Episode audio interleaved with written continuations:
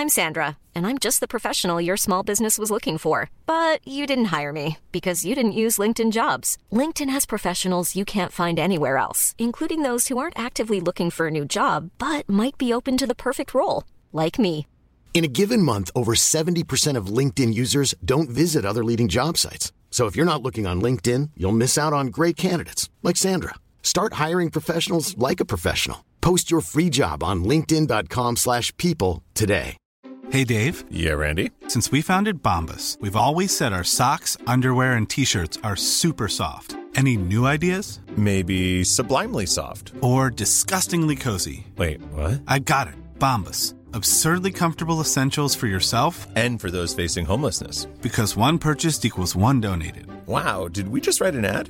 Yes. Bombas. Big comfort for everyone. Go to bombas.com slash ACAST and use code ACAST for 20% off your first purchase. Hey, I'm Ryan Reynolds. Recently, I asked Mint Mobile's legal team if big wireless companies are allowed to raise prices due to inflation. They said yes. And then when I asked if raising prices technically violates those onerous two year contracts, they said, What the f are you talking about, you insane Hollywood ass? F- So to recap, we're cutting the price of Mint Unlimited from $30 a month to just $15 a month. Give it a try at mintmobile.com slash switch. $45 upfront for three months plus taxes and fees. Promo rate for new customers for limited time. Unlimited more than 40 gigabytes per month. Slows. Full terms at mintmobile.com. Dette er en podkast fra Liverpool supporterklubb Norge.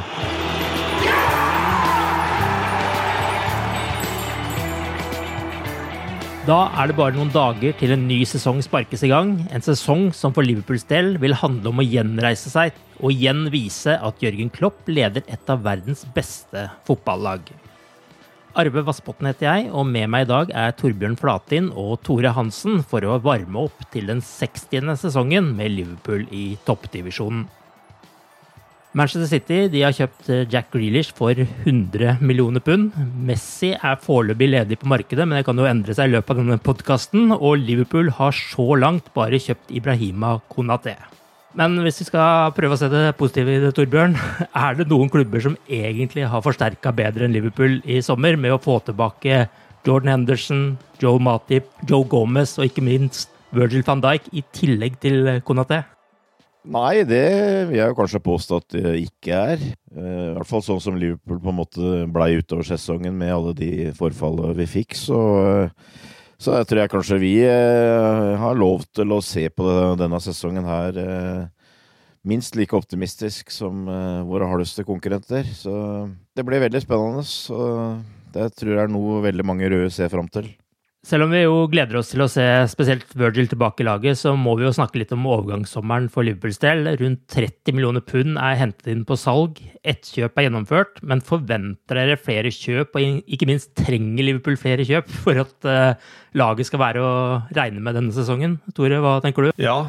Uh, svaret er ja, som sagt. uh, det, det, altså, det er jo alltid magefølelsen for meg som sitter utenfor og, titter inn i det som skjer på, på Anfield, at eh, Og kanskje litt med forrige sesong i, i friskt i minne, med vi kom short eh, på et par viktige plasser, og det, det kosta oss dyrt.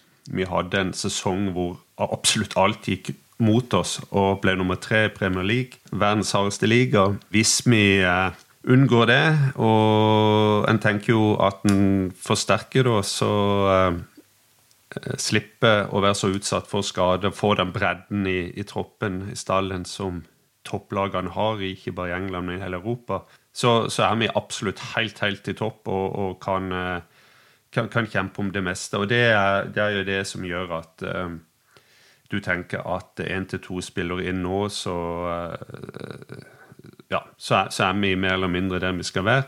Det er, det er mange argumenter for eller imot her. Vi har to, to bra kamper og to spesielle kamper, synes jeg, som gir forhåpninger på akkurat det punktet jeg nevnte om, om bredde i, i stallen. Du ble på mange måter nesten litt overraska, f.eks. tirsdag kveld når eh, vi, eh, vi starter med en, eh, en bra elver og innser at det er, tar vekk en eller to spillere, så er det nesten et rent B-lag. Så, så vi har jo til, til viss grad bredde, men eh, det er, det er jo måten eh, Hva skal jeg si Energien, overskuddet, flyten. Eh, den sona vi hadde for to år siden med, med, med vinne, vinne, vinne vi må inn i. Og, og klarer vi det, og unngår eh, de skadene på de helt, helt sentrale spillerne, så er jeg veldig optimist. Men, men påfyll bakfra, og påfyll eh, når en har gjort det godt, når en vinner, når en er oppe på et visst nivå, det, det tror jeg uansett er viktig. Med hvilken posisjoner tenker du at man eh, trenger å forsterke? da? Sånn umiddelbart så er det jo midtbane. Eh, Kanskje framover på banen. Eh, men midtbanen, og det skal vi, skal vi sikkert også snakke litt mer om etter hvert, men det er jo en liten sånn eh, enigma på en måte for Liverpool. For det at vi har mange Vi har mange bra spillere her, og vi har et par mann som meldte seg på i, igjen på de to eh, kampene vi, vi så nå, eh, både ikke minst Elliot og Ox virker å være tilbake i god form. Keita er skadefri. Men eh, så er det mennene eh, rundt det, og, og det er det som er bekymringsfullt. Vi har på en måte numbers med, med Fabinho, Hendo, Thiago, Milner, Elliot, Ox, Keita, eh, Jones, ikke minst. så M- Men holder disse skadefri? Tar et par av de ungguttene skrittet fram? Trenger vi noe mer rutinert? Det er, det er jo spørsmålene i margen her. Det er mye potensial her og mye håp, men så er det altså akkurat de samme spillerne som har vist seg som litt usikre kort over flere sesonger. Torbjørn, hva tenker du? Eh, Skal man forvente noen flere spillere inn, og tror du at det kommer noen, og håper du det, osv.? Jeg syns jo Klopp eh, på en måte var egentlig ganske klar eller optimistisk. Jeg vet ikke hva riktig ord du skal bruke når han ble spurt om eh, transfer i går, hvor han egentlig antyda at det var stor sjanse for at det kom i hvert fall inn én spiller. Eh, Ellers er jeg jo enig i mye av det Tore sier. Altså det, er, det har noe med at eh, hvis ulykka er ute, så er det er, er det fordel å være best mulig forsikra. Og eh, det er klart, hvis, hvis Liverpool hadde kunnet stille med toppa lag hele tida, og eh, vi hadde hatt veldig lite problemer, så tror jeg kanskje at eh, det er mulig å si at den troppen vi har nå, eh, kunne vært med og kjempa helt i toppen. Eh, Men Eh, Jeg, og, jeg, vil først, jeg vil ønske meg først og fremst en offensiv spiller til. Altså jeg syns jo noe av det som faktisk har vært et eh, problem eh, Ikke problem, men kanskje det som har vært eh, gått litt nedover de siste to-tre sesongene, er jo eh, antall mål.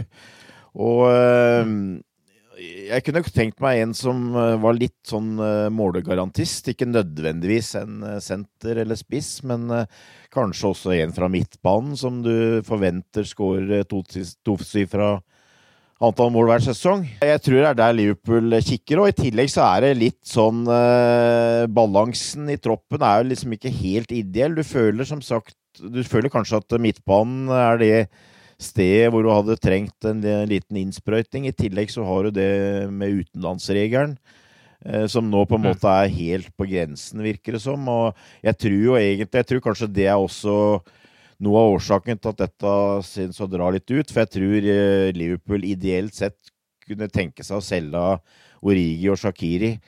Eh, både fordi at eh, du føler at det, dessverre det, det har ikke så mye å bidra med lenger, og det passer på en måte ikke så godt inn. I tillegg så blir du kvitt to eh, utlendinger, for å, for å bruke det eh, vrien, da. Og da, da har du på en måte eh, mulighet til å kjø hente eventuelt en utlending inn. Så jeg, jeg tror de sitter og, og Klopp venter litt på det, og kanskje skjer det noe nå. Nå var ikke Shakiri med i troppen i det hele tatt mot Osasuna, og det tyder vel på at det kanskje er noe på gang der. Mens eh, Origi eh, da var eh, innbytter på reservelaget, egentlig, for å si det sånn. Altså Ja. Kate, Kate Gordon starta foran han. Det forteller vel alt hvilken posisjon Klopp mener han har i troppen. Så jeg tror kanskje det kan bli ei uke nå hvor det går et par, par ut, og så kanskje får vi en inn. Jeg, jeg tror det, altså. Jeg tror, eh, jeg tror Liverpool er interessert i å få en inn, men i det hele tatt så er det eh, Du, du kan ikke ha en tropp gående for lenge. Og det går ikke bare på mannskapet, føler. Jeg tror, jeg tror Klopp også er, jobber veldig med å forandre litt på måten å spille på, fornye seg og gjøre Liverpool mindre forutsigbare, og at det kanskje den derre koden med hurtig Altså hardt press, hurtige kontringer og tre lynraske på topp der har vi liksom Der er en del lag som på en måte har i hvert fall løst delvis Liverpool-koden, tror jeg. Så jeg tror han er veldig opptatt av å prøve å finne nye veier òg. Når du nevner Shakiri, så skal jo Lyon ha kommet med et bud på han i går, og det antydes jo at det er grunnen til at han ikke var med den, den kampen der. Og så du snakker om det med problemet med utenlandske spillere, det handler jo da om at man i en Premier League-tropp kan ha inntil 25 spillere over 21 år. Og av de så kan ikke flere enn 17 være spillere fra utlandet, eller altså som ikke er hjemmeprodusert, da. Altså spillere som da har trent i en klubb i en periode på tre sesonger eller 36 måneder før de fylte 21 år. Og det er jo det som er litt av problemet da for Liverpool. Det er jo et annet eh, poeng her når det gjelder rekruttering og, og, og spillerlogistikk. Og, og, det er jo utenlandske ungguttetalenter som det nå ikke er mulig å, å, hente inn på samme måte som før. og Mm. Og Derfor så, så, så, heter jo mange av de, de ungguttene nå som, som, står liksom Som er med på disse kampene vi har sett nå. De heter jo Gordon, Oven Bekke, eh, Tyler Morton, eh, Conor Bradley har du der, og, og de gutta der. Og, og, det er jo òg litt interessant. Der er det eh, definitivt uh, kommet et veiskille, og det er sånt får vi nok se mye mer av i årene framover. Det var vel en ung gutt på Newcastle òg som er aktuell for å, for å, for å komme til Liverpool. og og den type rekruttering eh, vil en se mer og mer av. Så er det et problem her vi ikke var innom, men Afrikamesterskapet er jo et annet moment her i forhold til det med å få inn nye spillere, hvor vi vil miste både Sala og Mané i nær en måned. Eh, er det den største baugen denne sesongen, eller at man må få inn noen ekstra angripere til den biten? Det er sånn jeg prøver å fortrenge litt, holdt jeg på å si. Eh, for mye, men, eh, men, eh, men, ja, altså det, det, er viktige spillere her. Og det, det mm. forsterker vel egentlig bare ønsket om at vi kunne godt ha tatt imot en angriper til. Ellers så er det jo ikke Altså, jeg syns jo ikke vi kan si at Liverpool har en, en liten tropp. Det har vi ikke, men kanskje så Uh, kunne, vi, kunne, vi, hatt behøvd en kvalitetsspiller eller to til, da. Men uh, når, når, mm. som sagt, når vi ser det, det, som vi kunne stille på beina mot Osasuna, så føler jeg at det er jo brukbar dekning. Men, uh, men, men ja, igjen. Jeg føler, føler, det som vi kunne hatt behøvd, var en en som kunne bidra med skåringer, og ikke nødvendigvis fra start, men også en som kunne kommet inn, f.eks., og som du følte hadde skåringer i seg. Eh, og, og, jeg Det har vært mye snakk om at Liverpool trenger én midtbanespiller og én angriper. Hvis, hvis spillerne hadde vært hadde gjort en forskjell, bidratt med noe nytt, eh, kanskje en som var veldig god på dødball, f.eks., eller var sterk i lufta, som jeg for så vidt syns at vi mangler litt eh, begge deler, egentlig. Så hadde jeg tatt det. Én istedenfor to sånne halvbra, for å, for å si det sånn, da. Så, eh, men, det, men, dette blir noe Klopp på en måte kommer til å vurdere. Det har kanskje med alder å gjøre, litt forskjellig. Men jeg tror ikke du kan forvente at Liverpool kommer til å kjøpe en mann til 100 millioner. Det, det tror jeg ikke, men jeg håper det kommer en til kanskje bortimot halvparten før vinduet lukkes. Oss snakke litt om de andre klubbene. Vi skal ikke snakke mye om dem, men uh, litt sånn kjapt. Uh, hvilke klubber rundt oss synes dere har handla best? Altså Liverpool uh, er vel den klubben som har handla minst i Premier League denne sommeren. Men hva tenker dere om utfordrerne? Jeg synes det er litt vanskelig å si. Altså City Det er klart Hvis du kjøper Nå har du kjøpt én til 100 millioner. Det er vel ikke utenkelig at de kjøper én til.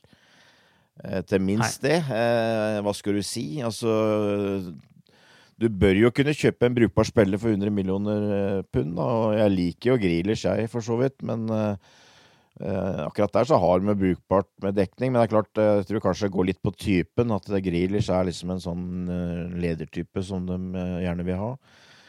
Men jeg ville jo sagt at det kanskje City trenger mest, er jo en erstatter for Sergio Aguer- Aguero. Eh, Så hvis jeg hadde vært City-supporter, eh, som jeg da overhodet ikke er, så eh, ville jeg jo sagt at Bra du presiserer ja, det. viktigere at Harry Kane kommer inn, da. Og det tror jeg altså jeg, jeg føler at hvis ikke de kjøper en sånn en, dyr spiss, så, så er jeg ikke så veldig imponert, kanskje. Men for all del, eh, det er kvalitetsspill der. Det, men det, den klubben oppe blant oss der, eh, som jeg kanskje syns har vært eh, klarest på å hente spillere som på en måte er, i posisjoner hvor de har behov for å styrke, er Chelsea. Altså, jeg syns Chelsea har blitt vesentlig bedre nå i løpet av et år eller to. Og, spesielt etter han nye manageren kom inn. så så syns jeg de har fått mer fasong på det. Og hvis de eh, nå får inn Lukaku, som det vel eh, er snakk om, så Mm. tror jeg det kommer til å bli en viktig spiller for dem. Men, eh, men altså, det er, det er, vi, det er liksom Det er den verden Liverpool lever i. Altså, vi, vi, vi lever i verdens rikeste liga for øyeblikket. og med, det er ingen som har så mange klubber inne blant topp ti i verden som Premier League. Og det, vi må bare innse at vi, vi har eh, gode og rike konkurrenter. Så eh, jeg veit ikke om jeg jeg, jeg jeg greier ikke å finne noen sånn stor eh, vinner, egentlig. Ja, altså. Jeg, jeg føler bare at uh, på en måte så har Premier League blitt enda mer spissa. At uh, de, de beste har kanskje blitt uh, har blitt sterkere, og, og forspranget nedover har blitt kanskje litt større. Nokså enig i den analysen. Jeg syns City fikk det altfor lett i fjor. Um, og uh, lagene rundt, uh, alle lag rundt City, har jo forsterka seg uh, på forskjellige måter. Vi, vi vet hvordan Liverpool har forsterka seg. Um, Manchester United er vel den klubben vi ikke har snakka om av de opplagte. og de har vel vært opptatt av å, å tette hull, og de mangler vel signering av en forsvarsspiller, uh, antagelig. Men uh, Chelsea er helt enig med Torbjørn. De, kan, de kan bli skumle, eller enda mer skumle enn de var i fjor. De, de, de spilte fotball på en forfriskende måte, for å si det sånn, og du følte virkelig at de fikk ny energi inn i, i laget, og de har i utgangspunktet et bra mannskap som de nå ser ut til å få om ikke maks ut av, så mye ut av. Og de gjorde, hadde bra vindu i fjor. og eh, Trenger kanskje ikke å kjøpe så mye som, eh, som andre av den grunn. Eh, du ser jo ofte at eh, en klubb eh, gjør innhogget et år stort, og så går det et år, et år eller to før de kjøper stort igjen. Både City og Chelsea for to år siden hadde vel en nettogevinst på, ikke akkurat 100 millioner, så oppimot det. Det er jo to klubber som, får, som har tilgang til penger som, som, som få andre i fotballverdenen har. Men de må, de må, balansere regnskapet sitt de òg. Og som sagt, de hadde et bra innhogg i, i fjor og uh, ser ut til å få en, lande en god spiller uh, i år. Og de er faktisk mest uh, sånn usikre på, frykter mest på en måte, fordi du vet ikke helt hva du kan forvente. Men fortsetter de der de slutter, slutter så, så blir de veldig gode. Og siden dere ikke har nevnt noe sånn særlig i forhold til United, de har jo henta inn Sancho, og Verane er jo så å si klar. Men ja, venter vel på en slik koronakarantene ja, før han kan ja, ta det siste ja, Han er vel ikke offisielt klar, så... men han kommer vel, og det, det, blir antagelig en brukbar signering for dem. Det, jo, det handler jo om å balansere laget, da, ikke sant? Ikke bare en spiller isolert sett, men hvor, hvor trenger de forsterkninger, hvor har de hull å, å fylle? og og det, det, tror jeg for United sin del kan være en ok signering. Selv om Liverpool har havna på tredjeplass i fjor, så er det jo egentlig Liverpool og Manchester City det har handla om de siste sesongene. Forventer dere at flere lag skal melde seg på i den kampen nå, da? Altså, nå som vi har, meldt, vi har nevnt City igjen som uh, kjøper Grealish, som jo kanskje den summen handler kanskje også om at de trenger engelske spillere, og at det er derfor han blir såpass dyr som han blir. men Eh, forventer dere at det, er, det skal bli en sånn alvorlig topp fire-kamp nå, hvor det ikke egentlig er noen sånn klar favoritt før sesongen starter, eller har dere en klar favoritt?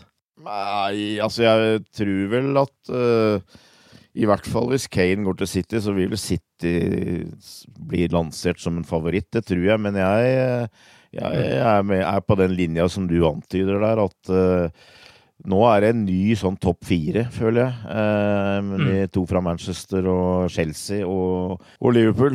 Jeg tror det kan bli veldig jevnt. Jeg tror Chelsea eh, Jeg er helt oppe i ryggen. Eh, og nå er jeg portisk, selvfølgelig. Jeg er litt usikker på Sjanson i Real United, men jeg tror Varan kan fort bli et godt kjøp for dem. Det som på en måte du føler kanskje har mangla litt med Manchester United er jo at uh, de har hatt slitt med å vinne de avgjørende kampene, de viktige kampene. Uh, taper uh, semifinaler og, og, finaler i cupene og hadde vel en ganske dårlig statistikk mot de andre såkalte topplaga i forrige sesong, så vidt jeg husker.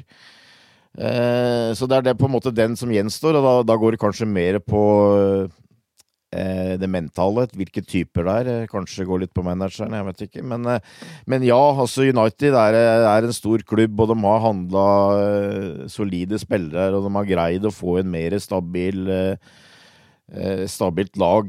Og de, de har heva seg, det er vel ikke noe tvil om det. Så jeg, jeg tror at de fire kommer til å være de fire øverste. Det er jeg ganske overbevist om. Og jeg tror, jeg tror det er et godt stykke nedover. Både Tottenham og Arsenal uh, har på en måte gått litt andre veien. Og så har du Leicester, som, uh, som gjør en god jobb, men uh, som jeg mm. føler fortsatt er akkurat utafor der. Så at Ja, for meg så er det litt sånn en sånn nytt topp fire i engelsk fotball.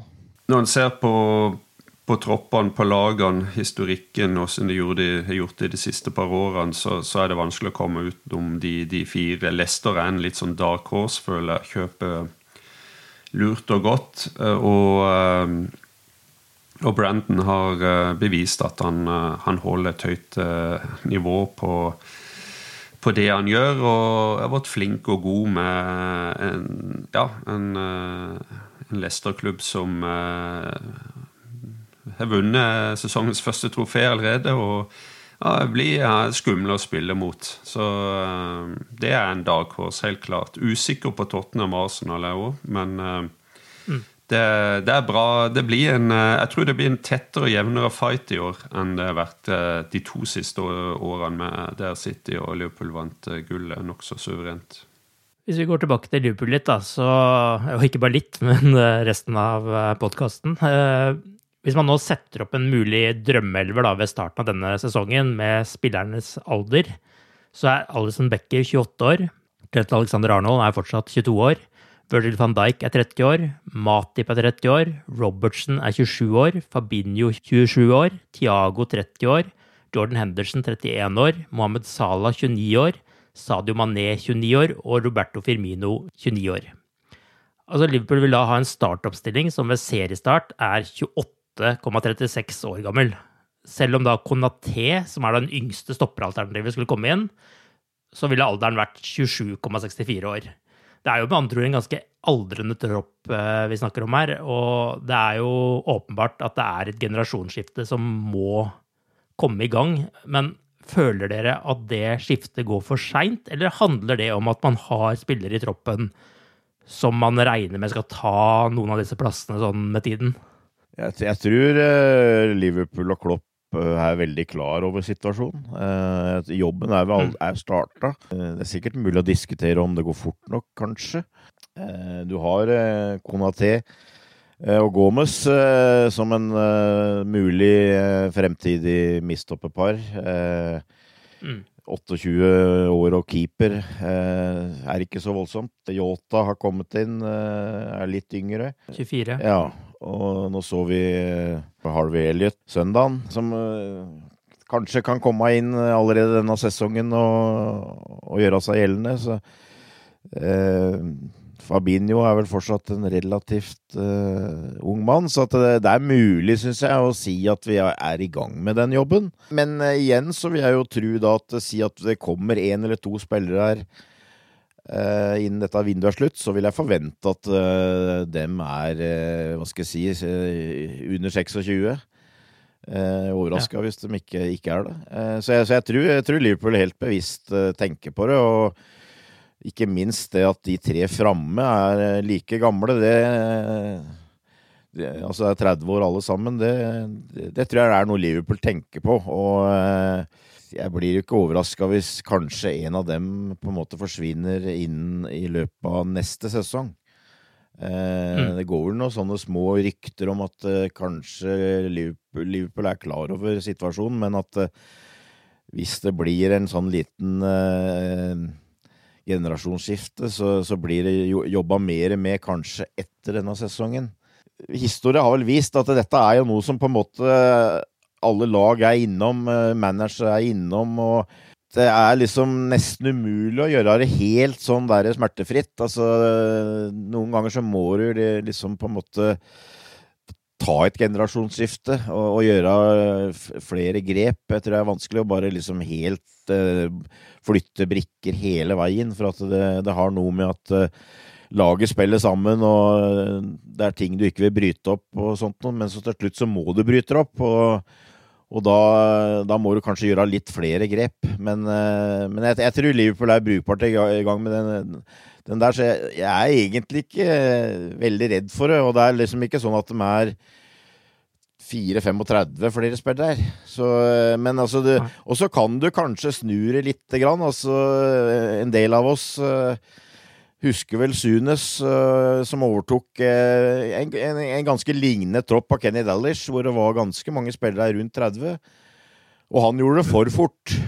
Ja. Uh, han kasta ut toppspillere der før de var ferdig, og med spillere som ikke var like gode. Så det er en balansegang, det der, altså. Det, det, blir, det blir veldig interessant, for det er jo det er jo en prøve både for klubb, for eh, det sportslige teamet, altså Klopp og folkene hans sine. Og, eh, og, det må løses eh, antagelig med å ha et vindu neste år som blir kanskje enda mer spissa inn mot det vi snakker om nå. altså hva skal vi si, litt brutalt oppløsning av Klopps første gode lag, liksom. Og men det er delvis skjedd noe med Vinaldum som eh, gikk ut, og jeg er helt sikker på at eh, det var et moment på, på blokka til Liverpool. Men det som kanskje er mest synlig når du snakker om spillere som begynner å bli gamle, og, eller 7-, 8- og 29-åringer er vel egentlig ikke gamle, men i, i sportslig forstand, da, så det er de tre på topp. De er vel alle 29 år gamle, har alle kontrakt til eh, et par år til. Og eh, to år til. Og, og de, eh, der må det skje noe. Og, og, det er da vel delvis skjedd. Vi kjøpte Shota i, i fjor. Elliot har kommet inn, og selv om ikke han kanskje er først og fremst en eh, kan spille blant de tre på topp, så er det en mann som kan brukes eh, der eh, av og til. vi har Så at det kommer inn kanskje enda en til, f.eks. Som, som kan støtte opp der og, og, og, være aktuell til å gå inn der, det, det vil ikke overraske meg. Det er et veldig godt bilde, syns jeg. Du har tre spillere som holder på en måte vært med å gi oss eh, alt det vi har fått de siste tre-fire årene. Og eh, nå er det Nå, nå begynner timeglasset å renne ut for dem. Så det blir som sagt veldig spennende å se hvordan både Liverpool som klubb og eh, den sportslige ledelsen tenker når, når, når, det byttet skal skje. Og Det vil vi jo antagelig få se litt allerede til høsten, for kontraktene må signeres nå før nyttår.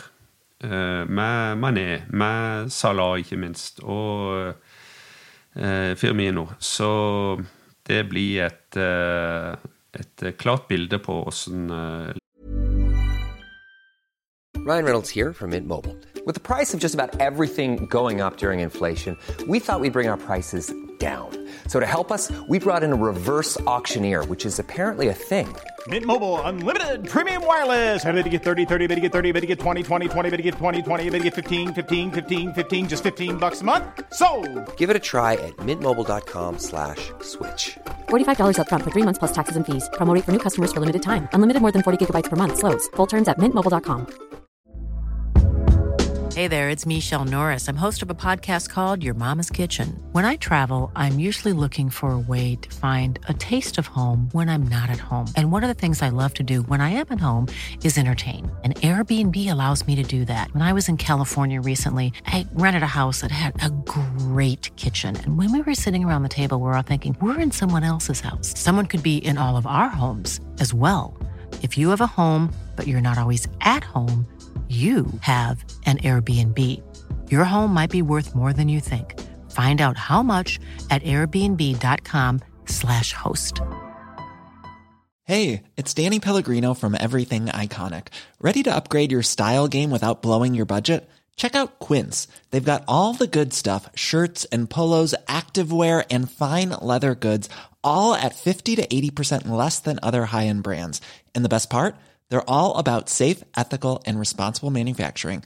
Get that luxury vibe without the luxury price tag. Hit up quince.com slash upgrade for free shipping and 365 day returns on your next order. That's quince.com slash upgrade.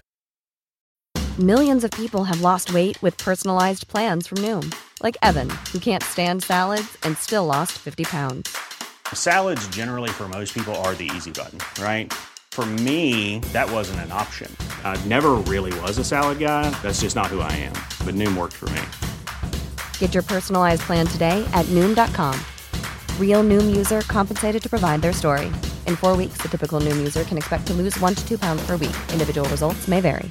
Hi, I'm Daniel, founder of Pretty Litter. Did you know cats tend to hide symptoms of sickness and pain? I learned this the hard way after losing my cat, Gingy. So I created Pretty Litter, a health monitoring litter that helps detect early signs of illness by changing colors, saving you money and potentially your cat's life. Pretty Litter is veterinarian developed, and it's the easiest way to keep tabs on your fur baby's health right at home. Go to prettylitter.com and use code ACAST for 20% off your first order and a free cat toy. Terms and conditions apply. See site for details.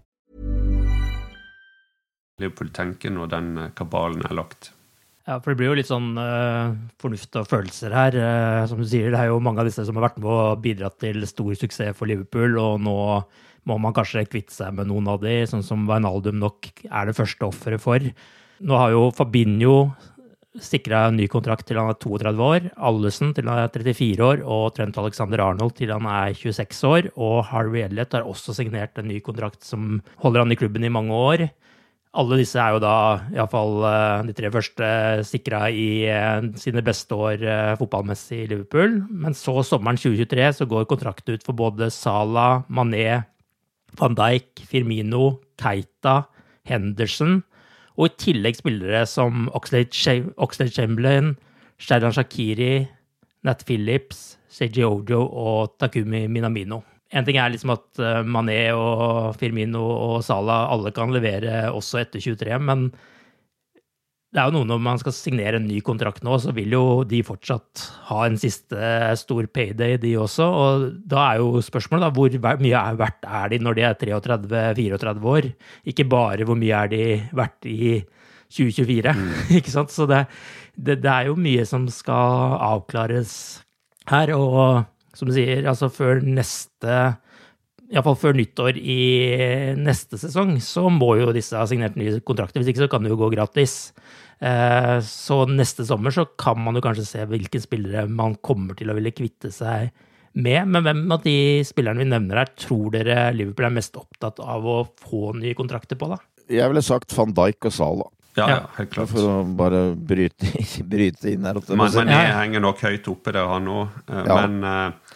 Men det, det, må skje nå i høst. Det, det, det skjer ikke i mai, liksom. Da, hvis ikke noe spesielt skjer. Det, må skje nå til, i løpet av høsten. Og uh, Så, så, dette får vi vite ganske snart, tipper jeg. Men mm. bare sånn et, et, punkt som ikke er nevnt i, i, i forbindelse med transfervinduet for Liverpool, og som vi sleit med i mange år. Vi har ikke solgt noen spiller vi ikke ønsker å selge. Nei. Det, er, det er et poeng som ikke må glemmes. Og vi er i ferd med å sette spillere som vi ønsker å beholde, eh, med, med, Trent og, og Alison i i Fabinho, ikke minst, eh, på, på nye kontrakter. Og, eh, og, og, det er et godt signal å, å, ta med videre, ikke minst når van Dijk og Salah og Mané og de gutta skal inn i forhandlinger. Så, så, det er et viktig poeng som ikke må glemmes. Og så er det jo egentlig noen spillere her som uh, man på en måte ikke tar med blant de som er selvskrevne til å få nye kontrakter, men det er jo også spillere her sånn som Keita, Oxlade Chamberlain Shakiri vil jo antakeligvis nå forsvinne, da. Og så Minamino, som man egentlig ikke helt kan si her og nå at de vil vi ha med videre også. Altså, de har vel kanskje en sånn sesong nå som de må vise at de fortjener ny kontrakt. Hvis ikke så vil de kanskje bare forsvinne neste sommer, eller hva tror dere om det? Det det er den der berømte midtbanen, altså. Hva, hva ender opp med der, holdt jeg på å si. og Uh, nå, nå, føler jeg vel kanskje at uh, som sagt, det har, det gjelder balansen, og det har også med den utenlandsregelen å gjøre. Men som jeg var inne på, jeg tror kanskje at uh, Origi og Shakir er helt øverst på den lista med spillere som Liverpool kunne tenke seg å cashe inn for. Det tror jeg. Eh, og så er det Minamino og Keita, for eksempel. Altså det, det, dem er liksom eh, Ox er kanskje der også, hvor du har en to-tre spillere som du føler ikke har fått ut uh, det de hadde inne, og de, du kanskje fortsatt har et håp uh, om at dem skal nå uh, på en måte ta en steg opp og finne, finne tilbake til sitt aller beste. Og jeg må si, altså Minamino for eksempel, har vel helt sikkert skapt en del diskusjon etter den kampen han hadde i går. Eh, hvor han var veldig bra, ikke sant? I en posisjon mm. hvor vi vel på en måte avskriver inn eh, som venstrekant. Eh, det har mm. vært noe argument om at han passer ikke inn i 4-3-3. Han må spille mellom eh, litt mellom linjene som en slags eh, offensiv indreløper, eller eh, komme bakfra i midten, eller noe sånt. Men nå spilte han mer eller mindre som en venstre innoverkant fra venstre, og, og var veldig bra. Så Og Keita er jo han er på en måte marerittet, føler jeg, hvis du skal drive og liksom vurdere spillere. For han er egentlig en spiller jeg alltid har hatt sansen for, og syns har hatt uh, veldig mye for seg. Uh, men jeg syns jo uh, egentlig Liverpool Echo hadde veldig sånn eh, beskrivende, beskrivende liksom ord om, om, om, han etter en, en av omgang her eh, tidlig i preseason, hvor han hvor hun mente at han måtte bli mer dominerende enn å være dekorativ. Eh, og det syns jeg var en litt sånn eh, treffende greie, for at han ser bra ut. Du kan mm. eh, plukke ut en video hvor han gjør noen fikse vendinger, eh, smarte pasninger osv. Men han, han eh, influerer ikke kampene nok for meg. Han tar ikke nok tak, han er ikke nok sjef. Eh, og det føler jeg han må bli. Eh, han, har, han, har, kjøpt for 50 millioner. Altså, det er liksom siste biten. Og eh, jeg er veldig usikker på åssen Klopp tenker nå. Eh, har jo, altså, Keita har isolert sett vært en av Liverpools beste under preseason totalt sett. Eh, men eh, har han allikevel gjort nok til at Klopp mener han er eh, aktuell som et startvalg eh, i de store kampene? Jeg, jeg er fortsatt usikker, jeg. Mm. og jeg tror, jeg tror du er Altså Han har vært ved vange, flere veikryss, Keita, men dette er vel antagelig det siste. Mm. Så der er en del, del spørsmål. og det er det å sette opp den midtbanen som på en måte har vært eh, litt så, sånn, kall det huepine før, og det er det fortsatt. Bare sånn for å ta det konkret, da. Keita, eh, har dere fortsatt troa på han? For å være ærlig, eh, Arve, og det skal jeg jo være selvfølgelig, så hadde jeg vel egentlig mista trua både på Keita, Ox og Minamino. Eh, og så håper jeg kanskje at eh, en av dem kan eh, slå til, men innerst inne eh, så følte jeg jo kanskje at eh, Svaret må bli at jeg tror ikke Jeg tror ikke han kommer til å slå igjennom, faktisk. Eh, men eh, jeg håper jeg tar feil. Men alle de tre du nevner her, har jo gitt nytt håp, eh, kanskje Ja, nå i preseason. Men, hva, tenker du, hva tenker du, Tore? Hvilken posisjon har Keita hos deg nå? Nei, det er vel ikke så mye annet å si at en, en håper jo for guds skyld at han, han holder seg skadefri, og at vi, vi får sett den virkelige Keita denne sesongen og på en måte kan gjøre oss Lage oss en, en ordentlig hva skal jeg si, konklusjon, fasit, eh, når sesongen er over. Så altså, får han ut Kommer han nå tidlig høst ut med sånn der to-tre måneders ute-ting igjen, så er han ferdig. Altså, det står og vipper helt der. Så, så nærme er han liksom slutten på sin Liverpool-karriere. Men så er det det som er så spennende med fotball, at eh, han kan eh, fortsatt ende opp som en av våre beste spillere denne sesongen. Hvis han holder seg skadefri og, og løfter seg. Og uh, blir mindre dekorativ og mer effektiv. Så det er, det er derfor vi elsker fotball. Det er X-faktorer hele veien. og Eh, men eh, jeg tror alle, inkludert han sjøl, skjønner at eh, skjer det ikke i år, så, så vil det antagelig aldri skje i Liverpool FC. Og en del av de eh, spørsmålene vi har, vil vi jo få de første svarene på på lørdag klokka 18.30, når det er seriestart mot eh, Norwich på Carrow Road. Etter en fjorårssesong med etter hvert massiv mangel på midtstoppere, så ser jo Liverpool ut til å være godt eh, utrustet igjen der. Men uh, vi skal litt over til hvem vi tror starter sesongen, og hvordan vi ser for oss uh, Liverpools beste elver uh, denne sesongen. Vi kan jo begynne bakerst. Hvem tror dere får sjansen i Forsvaret? Vi kan jo ta hele Forsvaret, for den saks skyld. Ja, altså Det blir jo veldig prega av, av skade og folk som er på vei tilbake fra skade. Så, Så, så det ligger jo i bunnen, da, selvfølgelig. Men, eh, men, men altså, keeper er jo ubestridt med, med Alison Mm. Becker. Jeg syns kanskje han var, var litt sånn uryddig på mandag. eh, I, i, I utspill og utkast og litt sånt. Og ofte klarerte litt sånn halvdårlig, men samtidig så hadde han et par veldig gode redninger.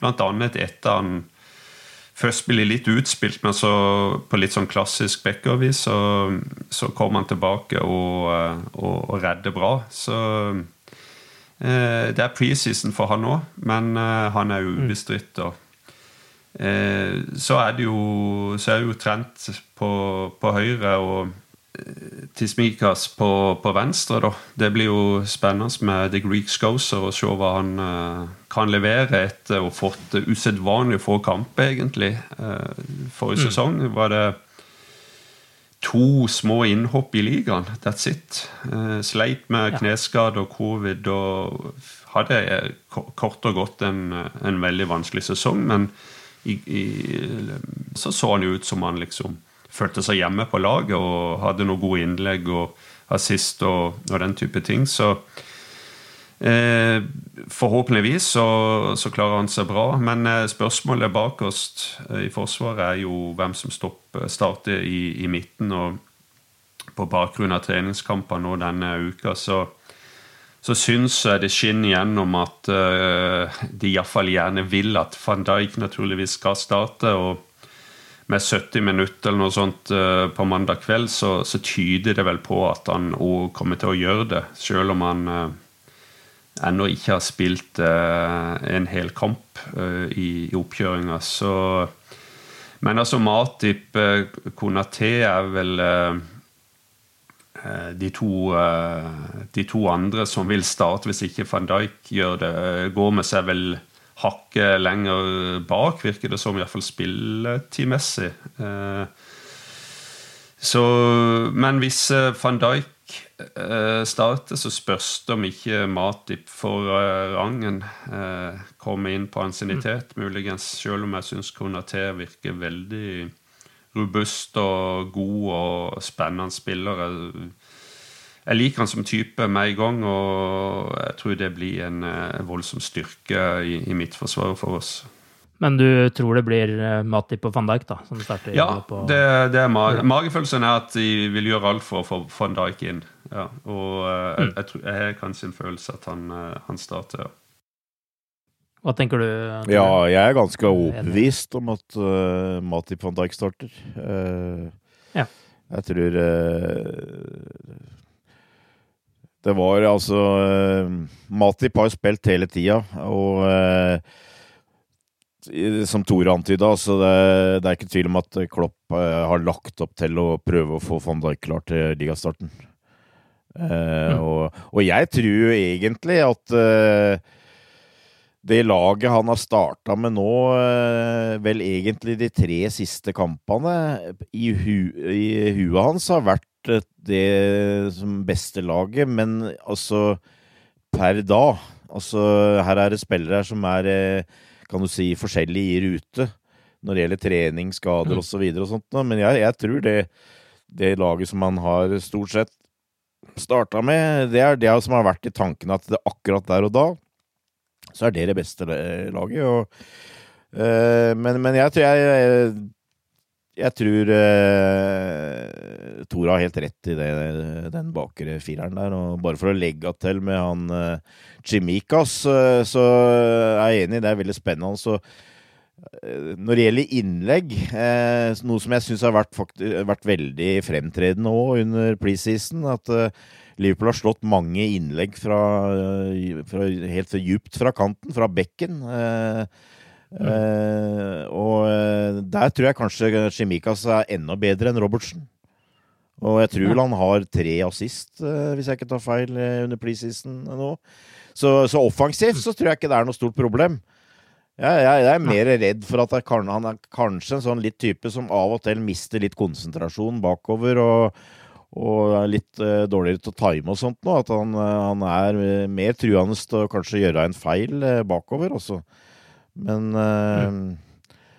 samtidig så har jeg hatt en sånn følelse av at det, det, vi så i fjor, av grekeren, det, det, var ikke representativt, egentlig. Han hadde mye, mye grums underveis med skader og forskjellig. Så det, det, er hans sjanse. Det er definitivt uh, nå, nå, kan, nå, får han vist seg fram, uh, sannsynligvis i tre første ligakampene. Eh, Konaté, Tore var jo så vidt mm. innom, men ja. hva er inntrykket deres av han på det dere har sett uh, i preseason?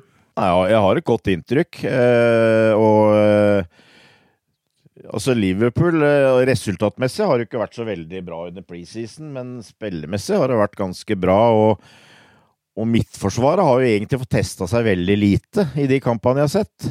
Mm. Eh, men jeg har sett et par sånne eksempler på Konaté hvor han liksom bare setter inn turboen. Setter inn det siste giret. Eh, og da er, har han en rå fart, altså. Og det hvis jeg hadde vært manager, så er det som ville gleda meg aller mest. altså Hvis du, du mm. ser, mm. ser, den kapasiteten han har.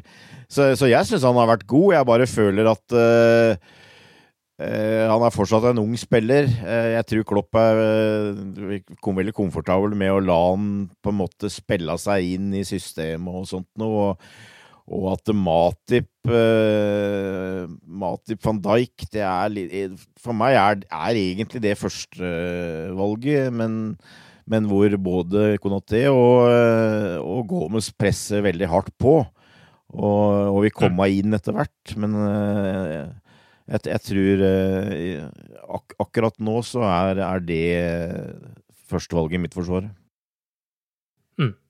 Noe jeg likte veldig godt i kampen mot Osasuna, var uh, den pasningen hans bakfra, ja, ja. hvor han sendte Minamino helt fri. Det var litt sånn van Dijk-aktig fra han, syns jeg. Han blir jo besk beskrevet som en ung van Dijk, det, det mener jeg iallfall jeg leste når, eh, når han kom. Mm. og og, og, alt det han er vist, tyder jo egentlig på det. Veldig veldig lik som, som, som type og måten han dominerer på. Mm. Det, det, som du kanskje ikke har sett så mye under preseason, eh, det er at han har også kapasitet til å gå framover med ballen. I stor ja. fart. Mm.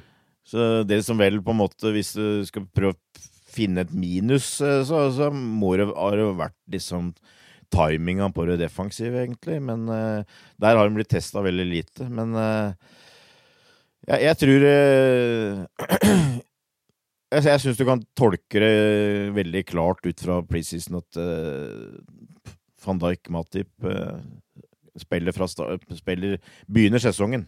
Det tror jeg. Og så er det jo midtbanen, da. Der har vi jo vært innom mange ganger nå at det er flest spørsmålstegn hvordan det vil se ut etter hvert, er jo et annet uh, spørsmål. Men hvor, akkurat nå, hvordan tror dere Liverpool starter sesongen? Tja, det, altså For å eliminere litt, og Hendo og Thiago er jo ikke klar til å starte, da. Så, mm. Og det er jo to spillere som kanskje vi får se starte sammen med f.eks. Fabinho i en, i en, god del kamper framover når, når de blir klare. Forhåpentligvis. I fjor var det vel bare mot Everton vi fikk se de sammen, så håper vi får flere nå. Men Fabinho virker jo iallfall nokså sikker, føler jeg. Syns han hadde en god kamp i, i går, iallfall. Og, og selv om han eh, Ja, nei, han, han ville ha på blokka. Og eh, så, så, er det jo, altså, så er det jo spørsmålet, da. Hva, hva kjører han inn ellers? Det, det, virker jo med, Når, når verken Thiago eller Hendo spiller, så virker det ganske som Jens Milner er et, et, et opplagt valg i forhold til å ha litt uh, rutine, litt lederegenskaper og, og sånt. Og, men da antagelig så tror jeg kanskje Jørgen Klopp uh, og kjører inn Keita. Um, og så det er, Muligens Elliot uh, blir er tenkt som en, en, en spiller som kan komme inn og gjøre en, en endring hvis vi, vi, trenger det utover andre omgang òg. Uh, der, der, klarer jeg ikke å bli helt enig med meg sjøl, altså, men det er jo også spilt bra, men ikke klar til å starte sånn som jeg tenker det. Um, så Fabinho, Milner, eh, Keita eller Elliot Jeg vet ikke hva du tenker, Torbjørn? Uh, nei, ja, den er vanskelig. Uh, det er jo faktisk uh, Milner, Keita og Elliot som stort sett har starta nå for Klopp de siste kampene. jeg tror ikke mm. dem, det blir trioen til lørdag. Det tror jeg ikke. Jeg tror Fabinho kommer inn. Jeg tror, jeg tror, han har gjort nok nå til å starte mot Norwich. Uh, jeg er enig. Jeg tror Keita kommer til å spille, tross alt.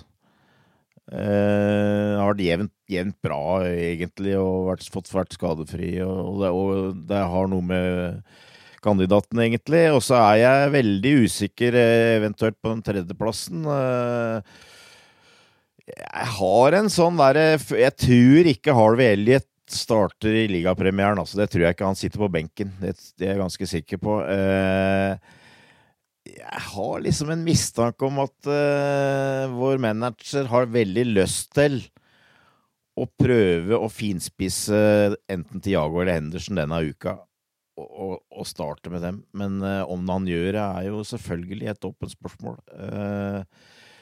James Milner Ja, du kan stole på uh, Millie, som Klopp kaller han, altså. hvis jeg skulle tatt et råtips, så tror jeg kanskje han drar inn Tiago, altså. Men det er avhengig av at han har ei god uke. Og jeg, jeg, jeg, er ikke inside når det gjelder det skadeproblemet hans og, og sånt noe. Og det er noe av det jeg har mislikt mest under preseason, at jeg hørte han var skada og vi sliter å bli klar til ligastarten og sånt. Og nå ble han jo på en måte klar før eh, det var antatt, så da tar jeg det som et positivt tegn. Eh, men i utgangspunktet så vil du kanskje tro at uh, Fabinho, Tiago og Henderson var førstevalget i den treeren der. Mm. Og da, da, da, ser du for deg litt sånn tradisjonelt 4-3-3, selvfølgelig.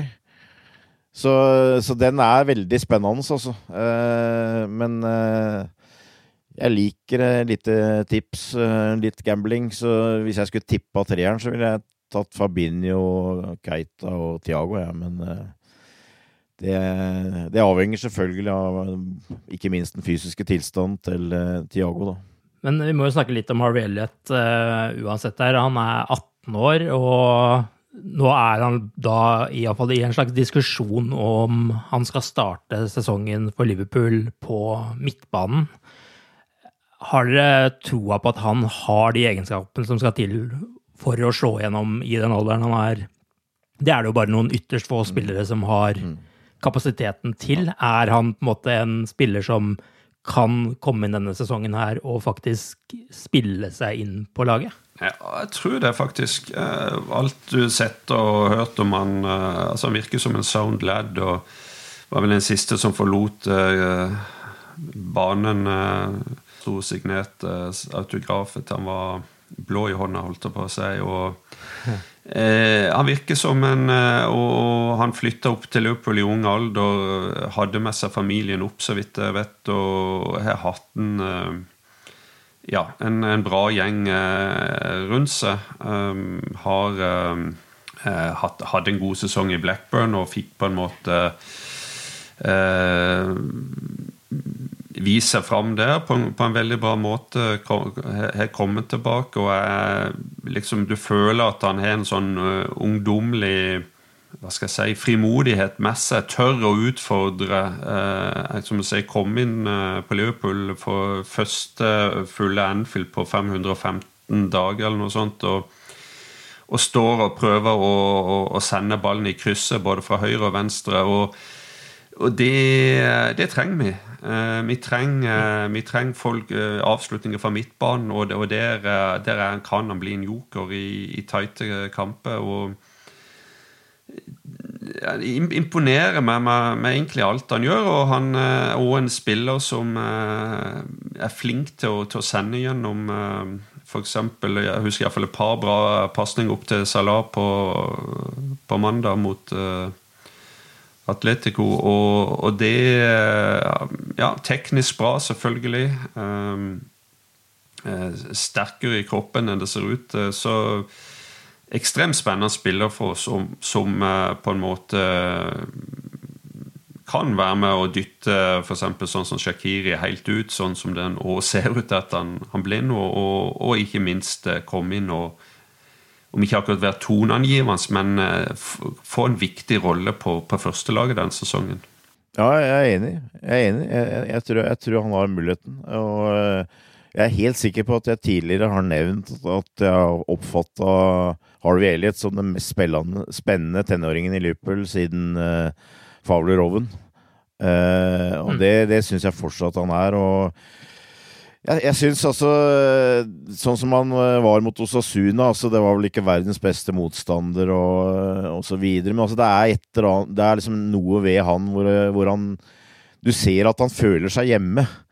Eh, han, er, han, går liksom ut for å hjelpe laget, han går ikke ut for også Nå må jeg vise meg fram sjøl. Altså det, jeg jeg, jeg syns han gir inntrykk av at han er, føler seg hjemme i det selskapet. og og jeg, jeg, tror han har en sjanse. Eh, jeg så det var en på Twitter som eh, sa kan han bli en ny David Silva.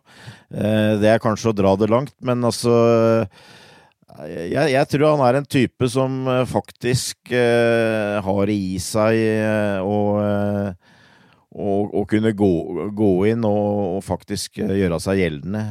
Jeg tror ikke Klopp har tenkt å på en måte starte sesongen med han i førsteelveren, men jeg, jeg tror han genuint uh, føler at han har noe å bidra med i, i troppen. Så, så det, det, kan bli en sensasjon. Absolutt. Det kan bli et veldig, veldig stort pluss, altså. Og eh, det Ja, det Bare for å gjenta meg sjøl. Altså jeg, jeg, føler at han er det mest spennende vi har hatt siden uh, Michael Owen, egentlig. Så er det kanskje det litt det overraskelsesmomentet som man er ute etter å finne også? Absolutt. Altså, hadde, hadde den derre eh, gått Den som gikk i krysset, hadde gått eh, noen centimeter lavere, så tror jeg taket på det kopp omtrent hadde løfta seg, egentlig. Eh, for det, det hadde han allerede gjort en god time, og fansen var bak henne og greier. og Absolutt. Altså, det er en sånn der, Det er fantastisk artig å se. Altså, jeg husker jo McManaman kom gjennom, og sånne typer spillere her, ikke sant. Altså Det, det Kopp elsker sånne spillere her. Og eh, det hadde vært veldig, veldig moro å få en sånn type. Og det er egentlig en sånn type jeg syns vi savner eh, på midtbanen, altså. Mm. Eh, etter Coutinho ble borte. Altså en som, en som kan gjøre noe ekstra, skape noe, skåre mål, skape mål. Eh, absolutt. Det hadde vært et kjempepluss eh, hvis han hadde gjort det som vi håper han kommer til å gjøre. Og, og så er det akkurat det greiene der som en eh, på en måte kanskje enser litt på topp med den kampen mellom Shota og Firmino, men og ikke minst når en sånn ung gutt kom inn på, på midten. og og hva tenker Keita, hva tenker Ox, hva tenker uh, Jones? ikke sant? Uh, og, og, og, hvis de tenker på rett måte, så, så vil det være å Han skal søren ikke ta plassen min, ikke sant? Og lø, være med å løfte folk rundt seg til å, til å yte maks i hver eneste mulighet, hver eneste sjanse du får, uh, ikke, og kanskje til og med på trening. Så han er med på å uppe, og i fjor det er mulig vi hadde en del bra navn på midtbanen i, i mange kamper. Men eh, det var ofte de tre som var skadefrie til enhver tid. Det var mye bytte, det var, det var få faste mønster, få faste rammer. Og, og tross alt, eh, midtbanen er kanskje et problem, men eh, vi har iallfall en fem-seks spillere som er med og kjemper hardt om, om tre plasser nå. Og det er ikke den verste posisjonen å være i. Og så er det da på topp, der er det kanskje to navn som eh, peker seg spesielt ut, med Sadio Mané, som for første gang i Liverpool-karrieren har fått lov å hvile en hel sommer, og Mohammed Salah. Jeg tar råsjanse på at dere er enig med meg der. og så er det da den siste plassen, da, som Diago Diogo Jota ser jo veldig bra ut. Og så spiller Firmino mot Osasuna og skårer to mål, han også, og ser jo egentlig ganske bra ut, han også. Så hvem skal Klopp velge da? Ja, altså jeg, jeg satt jo og tenkte litt på dette her, og jeg, jeg var jo på nippet til å liksom tenke litt sånn sjokkerende tanker om at jeg, jeg er litt usikker på Virminio, egentlig. Framtida hans og mm. sånt noe. Men så, så skårer han jo da to goller i går. og, eh, så Det er ikke dårlige mål heller. Det var ikke det. Eh, det var Firminio-mål. Eh, og så eh, ja, det er et såkalt hyggelig problem. Eh, hva gjør du med det? Og det, når vi prater om laget mot Norwich altså, Nå har jeg for så vidt på en måte tatt ut uh, midtbanen, da, men det kan jo bli en mulighet. At Kanskje at han stiller veldig offensivt og lar Yota trekke litt ned. Jeg veit ikke. Jeg tror kanskje ikke det. Jeg tror kanskje at det blir Yota i midten, og Mané og Salah på sin, og så lar han Bobby være på benken.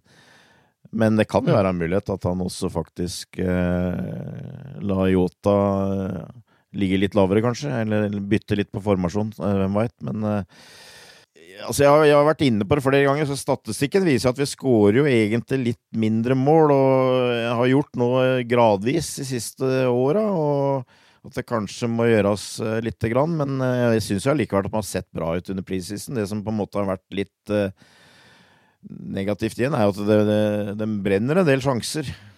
Eh, så, mm. men, men, alt i alt så syns jeg det har eh, sett eh, veldig lovende ut, ja, altså. Det, det syns jeg, men eh, det er litt sånn eh, nå, nå, har vi jo prata om Harvey Elliot, altså kanskje får vi et kjempepluss der, men eh, ellers så er det kanskje litt dårlig Vi kunne tenkt gjerne hatt én spiller til da, som hadde kjempa litt om plassen, og kanskje en litt annerledes spiller. Men, eh, men alt i alt så har det vært positivt uh, også framme, syns jeg. Men hvilken tre er det du går for, da? Er det Jota? Ja, i, ja Jota, Jota, i midten, og Salah og Mané på sine, og Bobby på benken. Mm. Ja, jeg er ganske enig. Få litt mer um, direktespill på, på topp. Vi syns kampen på mandag var litt sånn bekymringsfullt på én måte, og det var det at vi skapte og kom til en del sjanser, men vi skårte ikke mål. Vi burde ha hatt mm. Bilbao hadde òg et par eh, på bra, men vi, vi burde egentlig ha leda 3-0 eller 3-1 med, med, pause. Ja. For uh, vi, vi, vi, misbrukte for mange sjanser. Det er, det er litt det du så i forrige sesong, å ha det killerinstinktet. og Det er jo det jeg håper Shota kan være med og å gi det, det, laget der med å starte, vel, mer, eh, starte flere kamper fra start. Og det en må huske på, er jo at ja, det var de samme fire vi hadde i fjor. Men ofte så var det sånn at når Shota var skada, så var Firmino klar. Når Firmino var skada, så var ble shota på et mirakuløst vis klar. Sånn at det var veldig få perioder der de, de liksom hadde konkurranse Konkurranseelementet var en viktig ting. Og jeg vil jo tippe at Firmino skårer to mål. Han, gi, han vet han er 29 år, han skal ikke gi fra seg plassen. Starter kanskje på benken, men uh, når han kommer eller får sjansen, så vil jeg gi ikke bare 100, men han vil gi 110. og det er den effekten jeg håper vi får se helt framme der òg. Jeg syns jo egentlig det målet der når, når, han får innlegget fra, fra venstrekanten fra eh, så, eh, så, så, så, avslutter han eh, et løp og er helt eh, liksom rista seg angrepsspilleren og, og setter han på en måte pirker han elegant i mål. og og det, det, er sånne flere typer mål av den arten jeg gjerne vil se fra Firmino. For å oppsummere litt. Jeg har gitt dere i oppgave å finne tre ting eh, som uroer dere, og som gjør dere optimistiske foran denne sesongen. Så eh, Tore, du kan jo begynne. Hva er de tre tingene som uroer deg eh, foran denne sesongen? Ja, det er skade. Jeg har ikke kommet til å komme unna det med, med tanke på det de siste tolv månedene. Uh, en får jo håpe at alt driten ble lagt uh, på én sesong, og at vi slipper det. Men skade er på, er på topp tre-lista. Um, mm. Bredden uh, Bredden kan tolkes på to måter, og det har vi jo sett på to kamper nå denne uka. At vi har jo en bredde, men bredden er litt bekymringsfullt når det gjelder kvalitet. da Eh, og vise seg fram i en preseason. Eh, første kamp med ordentlig publikum, holdt jeg på å si, og, og hjemme på Anfield. Eh, det er én ting, men når du kommer ut i januar-februar og du kanskje trenger kvalitet med folk vekke på det afrikanske mesterskapet, skader, eh, kaldt og våte baner eh, på, eh, borte mot eh, et eller annet lag, så så spørs det om vi har den kvaliteten vi ønsker i bredden da allikevel. Det er eh, bekymringsfullt, eller det tenker jeg litt på eh, som nummer to. Og på tredje så har jeg faktisk sagt eh, pandemien. Og det er rett og slett fordi at uh, jeg føler Liverpool var, eller var kanskje det laget som tapte mest på pandemien på, av, av flere årsaker. Liverpool som modell, som driftsmodell, er avhengig av å kunne gå med overskudd for å investere og kjøpe nye spillere. Det, det klarer vi ikke med, med pandemi.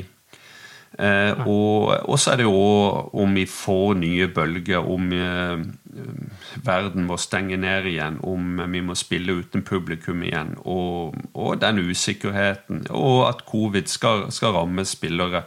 Det syns jeg har vært litt underkommunisert i forhold til at vi hadde flere key players som, eh, som var nære med covid. Hvordan påvirka det egentlig de spillerne? Eh, mm.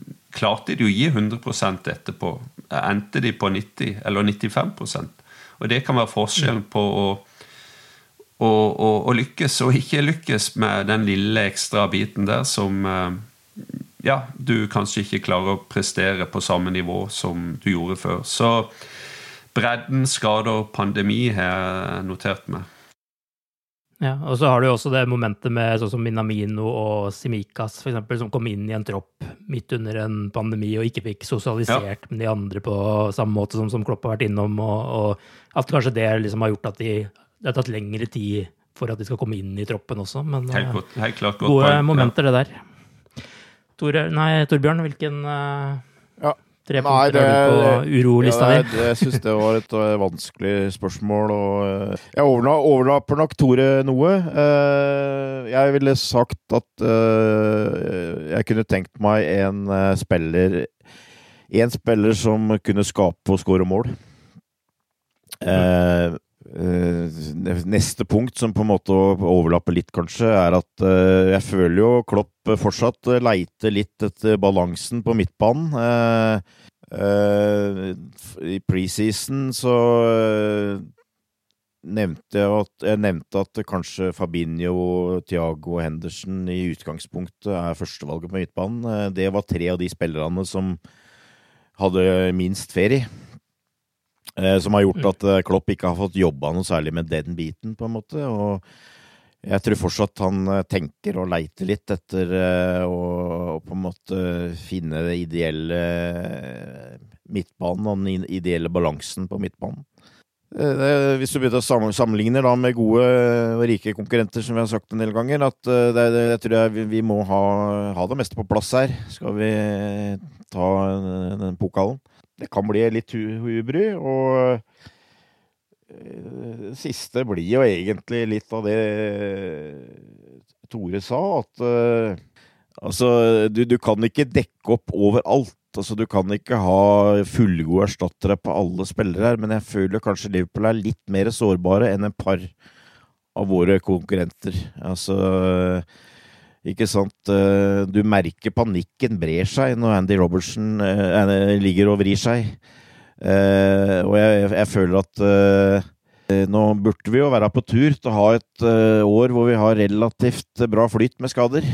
Eh, men det tror jeg kanskje vi er f.eks. litt mer avhengig av enn City. Så eh, det blir litt med det som Tore var inne på, bredden i troppen. Altså, vi har, vi har stor, stor nok tropp, men eh, er kvaliteten eh, har vi, har, god nok eh, hele veien? Det er fortsatt Det, det syns jeg er grunn til å stille et lite spørsmål ved. Da skal vi prøve å være litt mer optimistiske. Tore, hvilke tre ting gjør deg optimistisk foran sesongen? Det er det vanskeligste du kan spørre en fotballsupporter om. Tre Du optimist. har ikke lyst til å være positiv? Alltid pessimistisk, vet du. Nei da. Um, det er igjen bredden. Jeg skal, gå, jeg skal argumentere for det. Det er en god prisisen. Og det er kontrakter, at vi får beholde de viktigste spillerne. Som, altså det er viktige spillere som har signert nye kontrakter for oss. Det er de tre tingene jeg har nevnt. Ehm, det siste der med nye kontrakter sier seg sjøl. God preseason. Vi har vært innom det. øh, Å få øh, også Keita gjennom en god prisseason etter øh, en, vanskelig sesong. Få ja, egentlig alle, mange viktige gjennom en god prisseason. Det tror jeg gjør laget godt, og ikke minst de unge talentene. Integrering i troppen, integrering rent sosialt. Jeg la merke til det at The Greek eh, Scouser har tatt over som bestekompis til Mo Salah, f.eks. Eh, så eh, det, det, det tror jeg er viktige ting, altså å få eh, spillerne eh, samla som en sterk enhet, og det tror jeg er veldig i Klopp sin ånd. Så en god preseason er veldig viktig. Eh, bredden den, eh, Det er bekymringer når det gjelder bredden, men eh, to kamper på to dager et A-lag og et B-lag. Men det var eh, utrolig gøy å se B-laget, og det gjør meg optimistisk. Ja. det er mange gode spillere på gang der. Vi har spillere som eh, kan, eh, kan slå til og styrke oss og, og være med og eh, løfte oss over streken. Både i Premier League og i Champions League, uten tvil, og det, det gjør meg optimistisk. Men eh, det er skjørt, men eh, allikevel uh, Jeg, jeg syns i mange det, det som er egentlig som ligger bak det punktet, også er det at i mange kamper forrige sesong så syns jeg alltid gitt tungt. Sjøl den innspurten vi hadde, der vi var, tok 26 av de 30 siste poengene Mange av kampene var sånn der eh, nervekamper der, du, der vi bare så vidt klarte å, vinne. Og det var ikke noe sprut, det var ikke noe energi, det var ikke noe eh, av det vi er vant med å skje for Liverpool, på en måte. Men det syns jeg er tilbake. Og det eh, hva skal jeg si, Lysten til å, til å spille fotball, til å spille god kloppfotball. Og det syns jeg ser i egentlig alle spillerne, på en måte. Og det gjør meg optimistisk. Torbjørn, hvilken trepunkter tre punkter har du Ja, der? eh, jeg har eh, sentrallinje, eh, forberedelser og Anfield. Eh, Sentrallinje eh, Da har jeg lista opp Alison, van Dijk, eh, Fabinho og eh, Salah. Eh, vi har flere kvalitetsspillere enn dem, men eh, det er alle fire, etter min mening, eh, spillere i verdensklasse. De tre første hadde av forskjellige årsaker ikke noe eh, ideell sesong eh, i fjor. Eh, Mm. Alison var ute med skader, hadde faren hans døde også, og det blei veldig oppstykka. Van Dijk veit vi alle var skada. Fabinho hadde en god sesong, men en god del av den sesongen tilbrakte han i Midtforsvaret, som, som svekka laget totalt sett. Og så har du Sala eh, i tillegg, som eh, viser at han er en stabil eh, målskårer. En av de mest stabile i Premier League. Så det gjør at jeg, når du har sånne spillere, så syns jeg det er vanskelig å ikke være optimistisk uansett. For det er, det er spillere som vinner ei tittel der. Og det som jeg er overbevist om at det gjør at vi, vi skal være med å kjempe i år igjen. Og så kjører jeg for så vidt det samme som Tore, da. Altså, Liverpool har vel hatt en preseason som kan hende aldri kommer igjen, holdt jeg på å si. Altså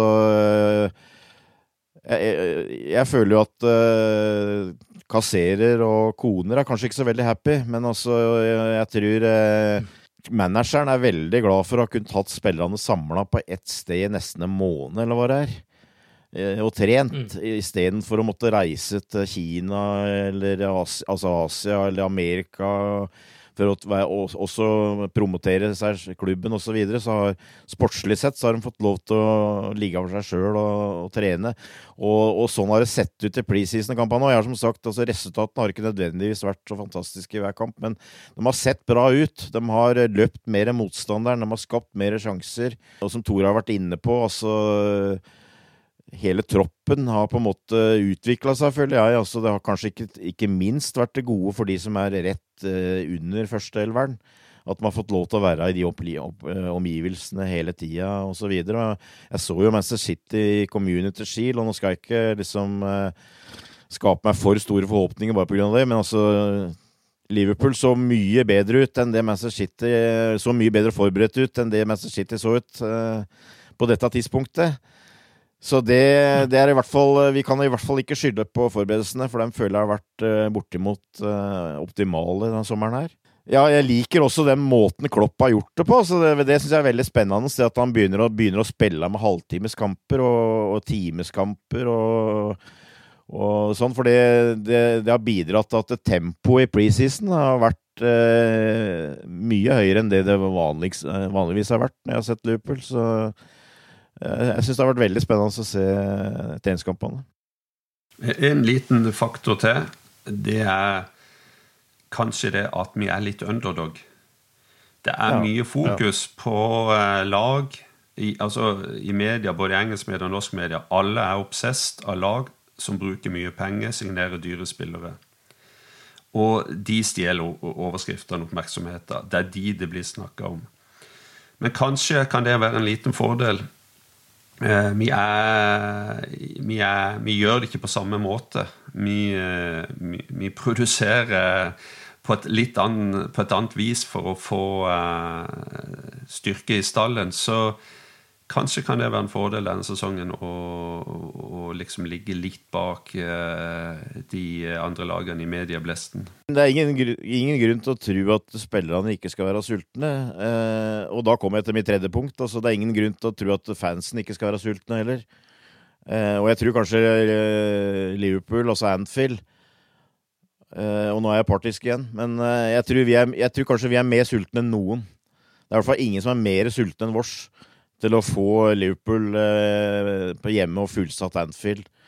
Eh, vi har jo egentlig ennå ikke fått eh, på en måte hylla ligamesterne. Mm.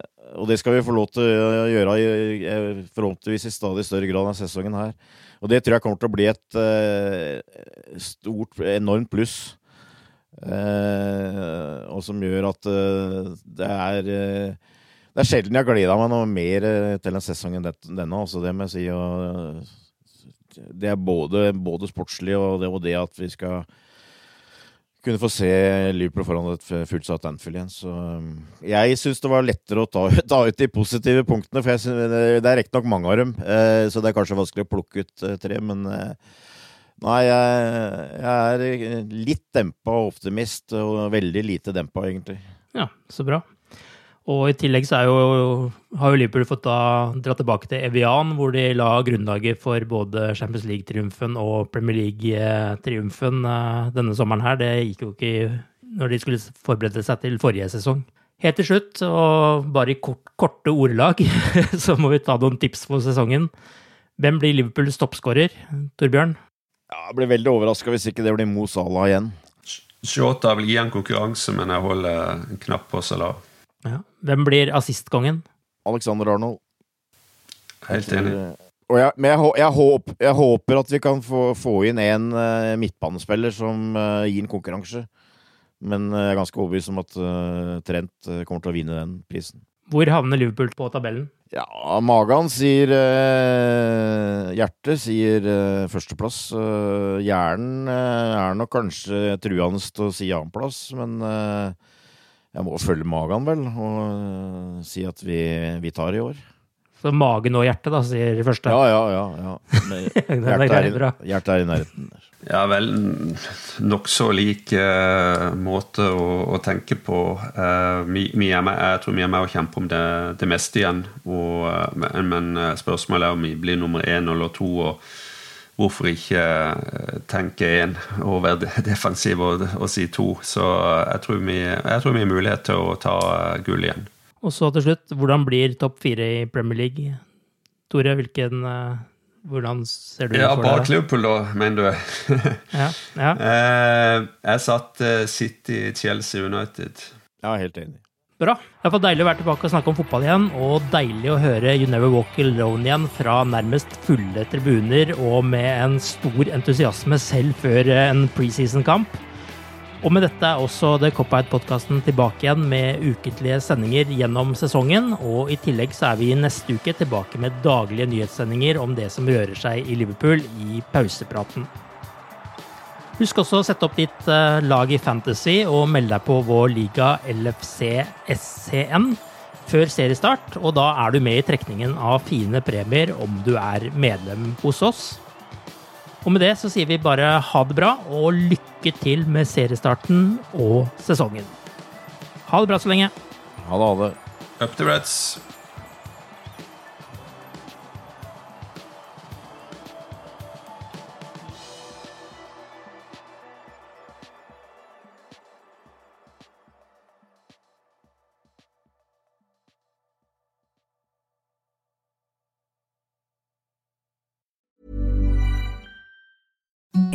The softest sheets you've ever felt. Now imagine them getting even softer over time. That's what you'll feel with Bowl and Branch's organic cotton sheets. In a recent customer survey, 96% replied that Bowl and Branch sheets get softer with every wash. Start getting your best night's sleep in these sheets that get softer and softer for years to come. Try their sheets with a 30-night guarantee. Plus, get 15% off your first order at bowlandbranch.com. Code BUTTERY. Exclusions apply. See site for details. Hi, I'm Daniel, founder of Pretty Litter. Did you know cats tend to hide symptoms of sickness and pain? I learned this the hard way after losing my cat, Gingy. So I created Pretty Litter, a health monitoring litter that helps detect early signs of illness by changing colors, saving you money and potentially your cat's life. Pretty Litter is veterinarian developed, and it's the easiest way to keep tabs on your fur baby's health right at home. Go to prettylitter.com and use code ACAST for 20% off your first order and a free cat toy. Terms and conditions apply. See site for details. Planning for your next trip? Elevate your travel style with Quince. Quince has all the jet setting essentials you'll want for your next getaway, like European linen, premium luggage options, buttery soft Italian leather bags, and so much more. And is all priced at 50 to 80% less than similar brands. Plus, Quince only works with factories that use safe and ethical manufacturing practices. Pack your bags with high-quality essentials you'll be wearing for vacations to come with Quince. Go to quince.com slash pack for free shipping and 365-day returns.